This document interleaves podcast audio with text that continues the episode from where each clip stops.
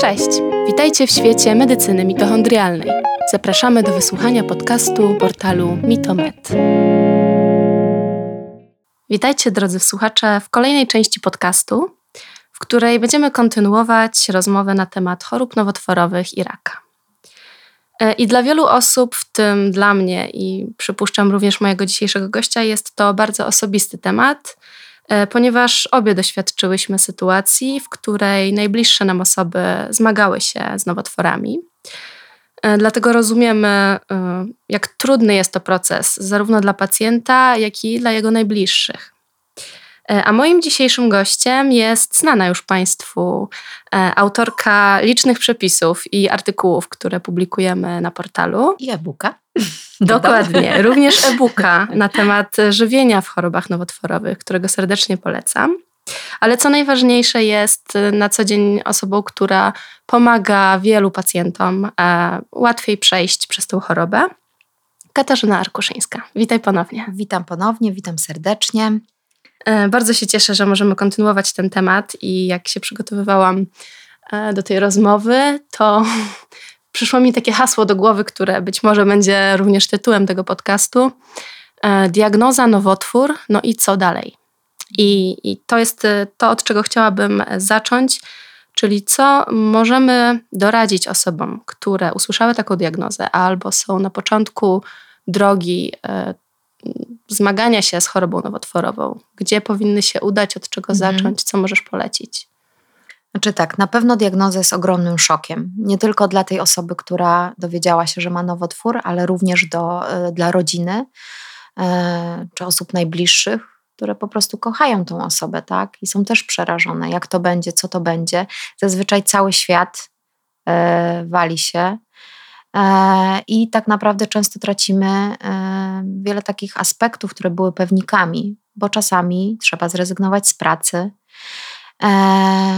Zupełnie przewartościowujemy sobie wszystko, tak? bo wiemy, że musimy zacząć leczenie, nie mamy już kontroli nad pewnymi rzeczami, ani nad naszym ciałem, tak? Musimy się zmierzyć z tymi emocjami, nie wypierać ich, czasem wypłakać się, wykrzyczeć, ale potem e, myślę, że dobrze by było, żeby nastąpił taki czas, żeby się zmobilizować i wziąć sprawy w swoje ręce.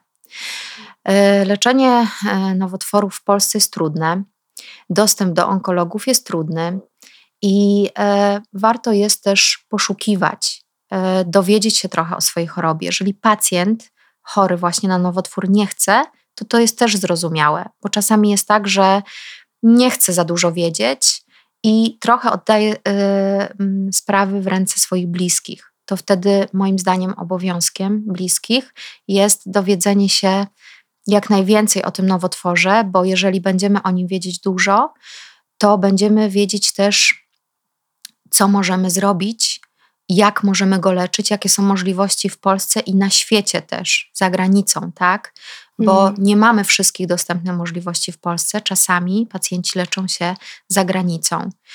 I będziemy też przyglądać się temu, jakie są badania kliniczne, czy są jakieś nowe leki celowane, czy może nasz bliski wziąć udział w takim badaniu klinicznym. Także tutaj rozpacz jest oczywiście naturalna na początku i ten szok. E, I z tymi emocjami warto się też zmierzyć, nie wypierać ich, bo to będzie generowało kolejne lęki i stres, ale jednak po jakimś czasie ochłonąć, wziąć sprawy w swoje ręce i też tu chciałam powiedzieć, że rak, e, nowotwór nie zawsze jest wyrokiem. E, nie zawsze się kończy śmiercią. Jest to trudny czas, bardzo trudny czas, gdzie musimy przewartościować swoje życie, zmienić je, takie codzienne życie też, tak? Bo inaczej będą wyglądać zakupy, inaczej będą wyglądać spacery, inaczej będzie na, wyglądać nasze życie, bo pacjent będzie jeździł na chemioterapię, radioterapię, bo jego ciało się zmieni, bo stra może stracić włosy, tak? I to w przypadku kobiet jest bardzo takie przykre, bo, bo przeżywają to bardzo, bardziej niż mężczyźni, aczkolwiek dla każdego to jest przykre, bo czasem są powikłania po operacjach, bo to ciało inaczej wygląda, bo czasami może dojść do amputacji, tak, piersi na przykład, tak? I to wszystko generuje cały czas ogromny stres. Natomiast ważne jest właśnie jak my do tego podejdziemy. Czyli po tym czasie rozpaczy warto sobie uświadomić, że teraz biorę sprawy w swoje ręce, chcę jak najwięcej się dowiedzieć, przede wszystkim o możliwościach leczenia. I teraz, skoro ta choroba przyszła, to może muszę się zatrzymać i zastanowić się, jak do tej pory, w jaki sposób się zaniedbywałem. E, I ten czas jest dla tego pacjenta, żeby się regenerował, żeby się uspokoił, żeby dał sobie dużo uwagi, miłości, akceptacji.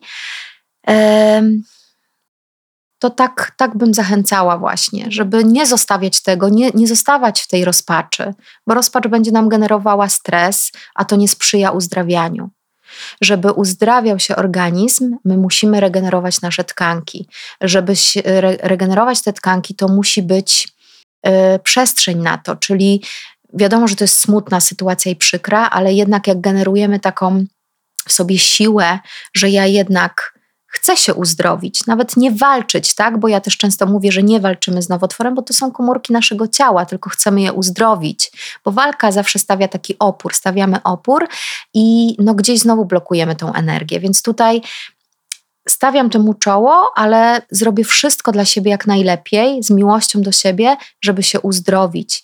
Sprawdzam, jakie są sposoby, bo być może oprócz tego, że wezmę chemioterapię, radioterapię, to mogę jeszcze zrobić coś innego dla siebie. Być może popracuję z emocjami, być może zastosuję dietę, która dla mnie jest nieodzowna w chorobach przewlekłych, czy um, przede wszystkim w chorobie nowotworowej to być albo nie być tak naprawdę w niektórych przypadkach, bo przecież jak pacjent ma kaheksję, czyli to takie wyniszczenie poprzez agresywne leczenie, czy nawet przez sam nowotwór, bo są takie agresywne e, nieraz nowotwory, e, gdzie pacjent po prostu sam z siebie chudnie i ciężko to jest zatrzymać. I tutaj tak naprawdę 70% mm, czy 60%, nie wiem jak to teraz jest statystycznie, ale czytałam takie badania, że tak naprawdę nie umiera konkretnie z powodu nowotworu, tylko umiera z wyniszczenia, z niedożywienia na poziomie komórkowym, że jest tak wycieńczony, że po prostu umiera, bo jego ciało już tego nie dźwiga. I teraz, jeżeli my mamy taką informację, to co możemy z tym zrobić? Odżywić nasze ciało.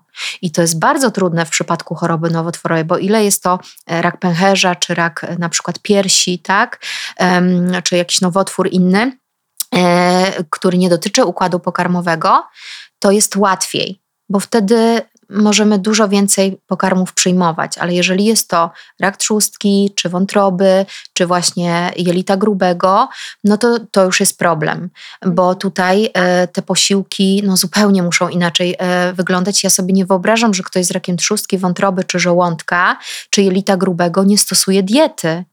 Bo po pierwsze może wszystko zwracać, tak? Wszystko może mu nasilać dolegliwości, a dieta i w ogóle to całe leczenie, które naprawdę ma wiele skutków ubocznych, jakie jest na przykład moje zadanie w tym, przynajmniej ja taką misję sobie tu dałam, żeby tego pacjenta y, y, po prostu wspierać na tych etapach, żeby mu się lepiej żyło nawet w trakcie leczenia.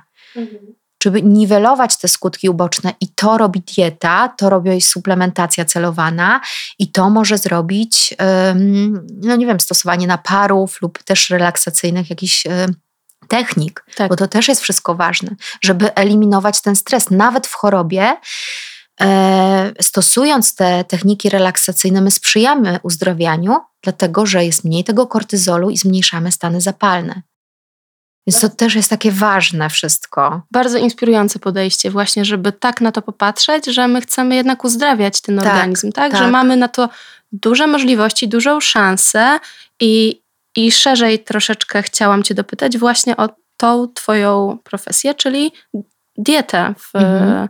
w chorobach nowotworowych. Jakie wskazówki e, warto zalecić takiemu pacjentowi, który usłyszał mhm. tą diagnozę? Dobrze, to powiem tak najpierw ogólnie, Mhm. A potem troszeczkę szczegółowo, ponieważ każdy nowotwór jest inny i tak naprawdę ja dietę dobieram e, na podstawie, tak jak już wcześniej w podcastach mówiłam, e, wyników krwi, tak? Mhm. czyli tej diagnostyki, czyli widzę, jakich składników pacjentowi brakuje, gdzie są stany zapalne, czy to jest problem z tarczycą, od której też bardzo często wiele chorób się zaczyna, czy tu trzeba właśnie, e, no, o mitochondria to wiadomo, że trzeba w chorobie nowotworowej zadbać, bo wiadomo, że one są zniszczone albo uszkodzone.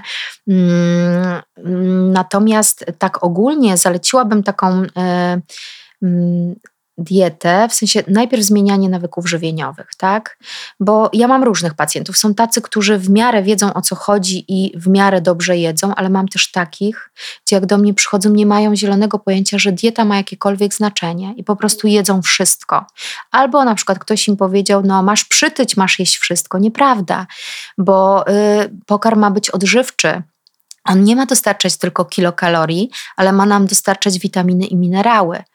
E, I to jest clue w chorobie nowotworowej, ponieważ e, osoba z nowotworem e, jest totalnie niedożywiona na poziomie komórkowym. Poza tym, no też jakby ten nowotwór mm, jakby sprawia, że ten pacjent właśnie mm, idzie w te niedobory.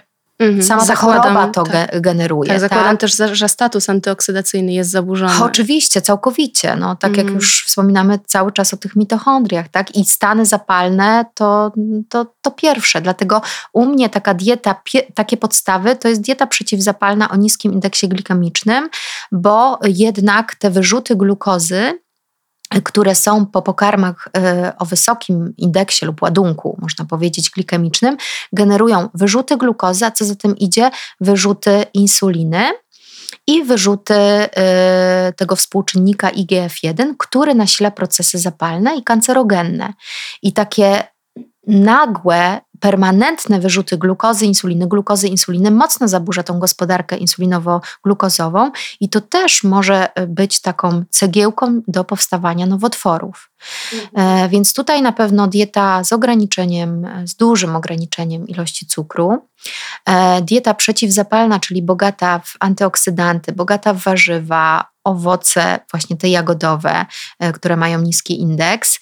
Mm, dieta bogata w błonnik, w kaszę dobrej jakości, tak? Ale ja to mówię ogólnie, dlatego że każdy nowotwór i każdy pacjent jest inny.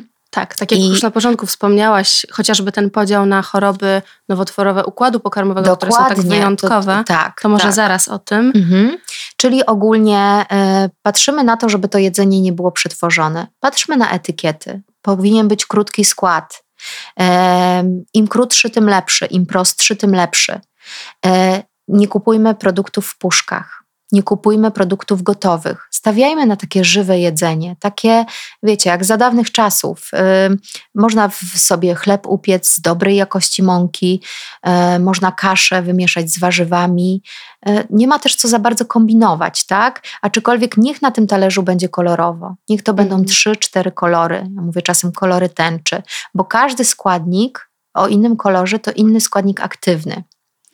E, I im więcej tych składników aktywnych, tym lepiej, aczkolwiek to też różnie bywa w zależności od tego, jak się pacjent czuje, bo czasami jedyną radą jest zjedzenie zblendowanej jakiejś, e, e, nie wiem, no, owsianki, aczkolwiek tą owsiankę też można przepięknie podać.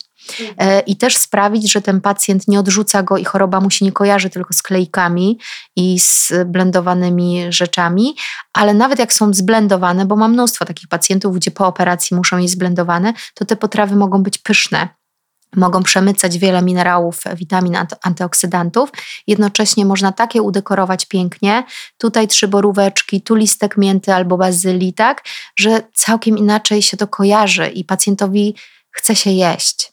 A to jest bardzo ważne, tak? Więc e, tutaj bym stawiała na żywność nieprzetworzoną, dobrej jakości mięso, nie to czerwone akurat w przypadku nowotworów, tylko bardziej um, to białe mięso, to może być dobrej jakości indyk. Um, nie zawsze warto rezygnować z mięsa, bo nieraz um, jest taka kacheksja i brak tego białka, że nie jesteśmy w stanie nadrobić e, czymś innym i przydaje się, tak? Tylko musi być dobrej jakości, tak samo z rybami. E, czyli zamieniamy te produkty prozapalne na produkty sprzyjające zdrowieniu, na przeciwzapalne. Mm, o tym, co wyeliminować, czym zastąpić, to sobie jeszcze powiemy. ale właśnie wracając do tego, że ta dieta ważne, żeby była uszyta na miarę, to jest takie ważne, dlatego że każdy nowotwór jest inny i każdy pacjent jest inny. I teraz, jeżeli pacjent przychodzi do mnie z nowotworem, to zazwyczaj ma jeszcze jakieś choroby współistniejące.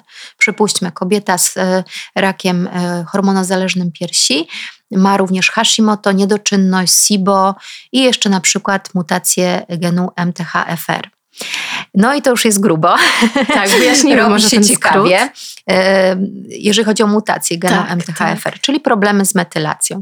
Jest e, mhm. taka mutacja, gdzie jeżeli się suplementujemy kwasem foliowym niezmetylowanym lub witaminą B12 niezmetylowaną, to nasz organizm ma problem z detoksykacją e, i z metylowaniem tych witamin. One są nieprzyswajane e, i są kumulowane i mogą być toksyczne dla naszego organizmu. Wiele osób nie wie o tym, że ma e, tą mutację. Ja zlecam moim pacjentom badanie tej mutacji. Mm, kiedyś rzadziej zlecałam, teraz coraz częściej, bo widzę, że to jest jednak duży problem i na przykład e, ta e, mutacja mm, jakby bez poprawy metylacji, suplementacją i dietą i suplementacją nieprawidłową może spowodować choroby przewlekłe typu endometrioza, PCOS, Hashimoto. Nawet miałam pacjentkę z udarem, bo było bardzo dużo podwyższona homocysteina. To też parametr, który badamy. I e, potem e, rak piersi hormonozależny i endometrioza. I wszystko się tak naprawdę, moim zdaniem, rozpoczęło od y, tej mutacji. Także te badania są bardzo, bardzo ważne. Ja zachęcam do mm, szczegółowej diagnostyki, ale też nie na własną rękę, no bo człowiek by wydał fortunę. Niestety większość tych badań nie jest y, y, na NFZ, nie możemy ich zrobić na NFZ i tak naprawdę wszystko się robi prywatnie, więc lepiej, żeby specjalista spojrzał na to swoim okiem i po objawach doradził, e, jakie badania powinniśmy zrobić. Natomiast oczywiście, co, no i potem trzeba jeszcze umieć zinterpretować. Zinterpretować, więc... oczywiście. Natomiast z, z, takich podstawowych to ja robię na pewno e, onkopakiet, e, sześć pierwiastków, bo to jest bardzo ważne i kluczowe przy powstawaniu nowotworów, czyli sprawdzam poziom cynku, selenu e, i miedzi oraz metali ciężkich, arsenu, ołowiu i kadmu bo jeżeli się okaże, że mamy tych metali ciężkich za dużo, to trzeba zdetoksykować organizm, trzeba poprawić pracę wątroby, ale też e, użyć takich suplementów i diety, żeby po prostu oczyścić ten organizm z toksyn i zmniejszyć e, ilość tych metali ciężkich i da się to zrobić. Robię to u pacjentów. I druga sprawa, też dajemy, też daję wtedy antyoksydanty, tak? Ale druga sprawa jest jeszcze taka, że cynku, selenu i miedzi musi być w odpowiednich ilościach. Nie może być ani za dużo, ani za mało. I o tym mówi profesor Lubiński, który ma swój e, instytut genetyczny. Tam warto jest e, udać się do tego instytutu, sprawdzić mutacje genetyczne i sprawdzić, jak możemy sobie jeszcze pomóc przy danych mutacjach, bo są leki celowane, bo są różne właśnie wspomagacze przy danych mutacjach mm, i różne protokoły. E, i to już oczywiście lekarze mają tutaj pole do popisu. Natomiast e, jeżeli chodzi o ten onkopakiet, też można tam u profesora Lubińskiego wykonać i wtedy widzimy, co my musimy wyeliminować z diety, jeżeli jest za dużo, arse, jeżeli jest za dużo cynku albo selenu. Wtedy modyfikujemy też dietę. A jeżeli mamy za mało, to też modyfikujemy dietę, bo wprowadzamy te e, produkty bogate w cynk i selen, a czasami musimy wprowadzić suplementację. Mhm. I to też patrzymy na poziomy, e, o ile procent musimy tego zwiększyć, zmniejszyć, tak? I tak naprawdę właśnie to jest klucz, że zarówno niedobór, jak i nadmiar może, tych pierwiastków może generować nowotwory, więc dążymy do tego, żeby one były w równowadze. I to jest kolejne badanie. Oczywiście poziom witaminy D3, ponieważ w chorobie nowotworowej musi być on dużo, dużo wyższy i zazwyczaj i też trzeba go umiejętnie podnieść, tak, żeby nie zrobić krzywdy pacjentowi.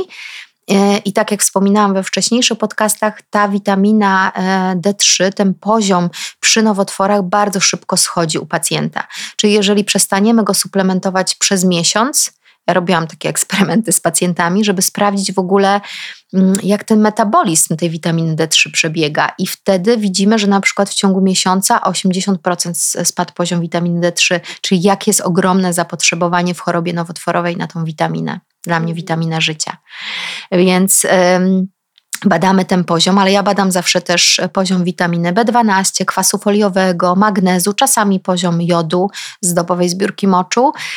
Sprawdzam w ogóle morfologię całą krwi, tak, ale też e, próby wątrobowe, aspat, alat, bilirubina. No ta diagnostyka jest dość obszerna, a czasami przy chorobach współistniejących, jak widzę po objawach, to zlecam też badanie na pasożyty, i na różne infekcje, ponieważ one też przyczyniają się do powstawania nowotworów. I e, czasami jest tak, że można te nowotwory zdusić w zalążku, jakby niwelując te infekcje, ale też to trzeba zrobić z głową. Mhm. Trzeba najpierw zobaczyć, jaka to jest infekcja, i potem zastosować czy antybiotyk, czy odpowiedni lek z połączeniem z dietą i e, odpowiednią suplementacją i ziołami. I wtedy to ma sens. Także nie robimy tego na własną rękę, bo przeczytałam w internecie, że można się co miesiąc odrobaczać. Nie, nie można.